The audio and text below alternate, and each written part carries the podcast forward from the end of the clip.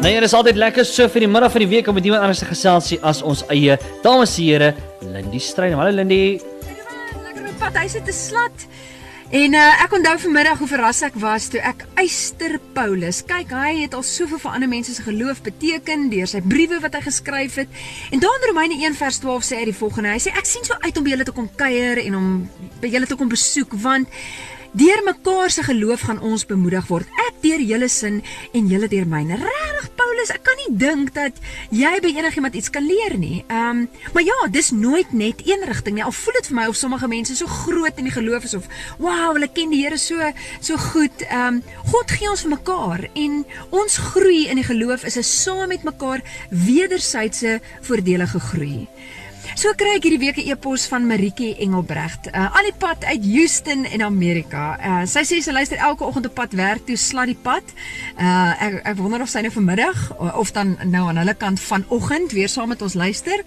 Sy sê dis so lekker om Afrikaans te kan hoor en nog meer om daar in 'n vreemde land God se woord in haar bekende moedertaal te kan hoor. Hulle bly al amper 4 jaar daar, maar hulle is al meer as 10 jaar in die buiteland.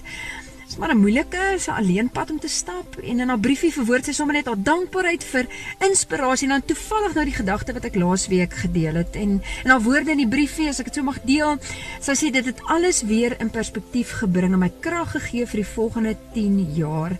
En Emerike, ek wil vir jou sê daai daai woorde, nê, gebruik die Here weer om vir my aan te moedig en aan te spoor om vol te hou met hierdie gedagtes wat ek maar so deel want ek wonder ook soms beteken dit dan vir iemand iets as hulle nou huis toe ry of hulle is in hulle pad met die Here. En Maritjie bemoedig my deur haar dankbaarheid vir 'n gedagte wat sy voel weer vir haar bemoedig het. Um dis nooit net een aan die ontvangkant van iemand se hulp en diensbaarheid. Die prediker sê mos twee vaar beter as een, maar as ek mag byvoeg, onthou net beide vaar beter in die proses. Ehm um, daar's iets in die situasie vir hom of haar ook om te ontvang. Al dink jy jy het gegaan om te gee. Ons mis net soms omdat ons nie goeie ontvangers is nie.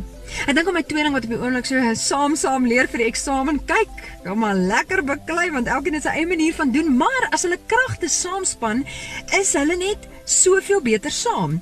Uh aan die een kant kry jy vir juffrou Nina, sy probeer die moeilikste vrae uit die paragraaf uitsoek. Wat beteken as sy eintlik die gedeelte 'n paar keer deurlees tot sy haar boetie kan probeer vasvra en studente boetie Hugo gaan natuurlik nou nie toelaat dat dit gebeur nie. So hy konsentreer ekstra hard om die vrae reg te kry en Ruben tot ek met skoolhoof speel wat die klok lui vir pouse tyd, 'n hele storielyn wat uitgespeel word.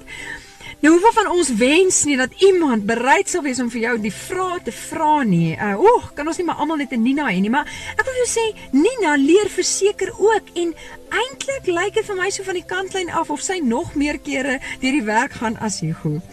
Twee leer saam en beide vaar beter. Een help 'n ander, maar albei baat daarbey dalk net op verskillende maniere. Deur mekaar se geloof, deur mekaar se stories en getuienisse word ons almal bemoedig.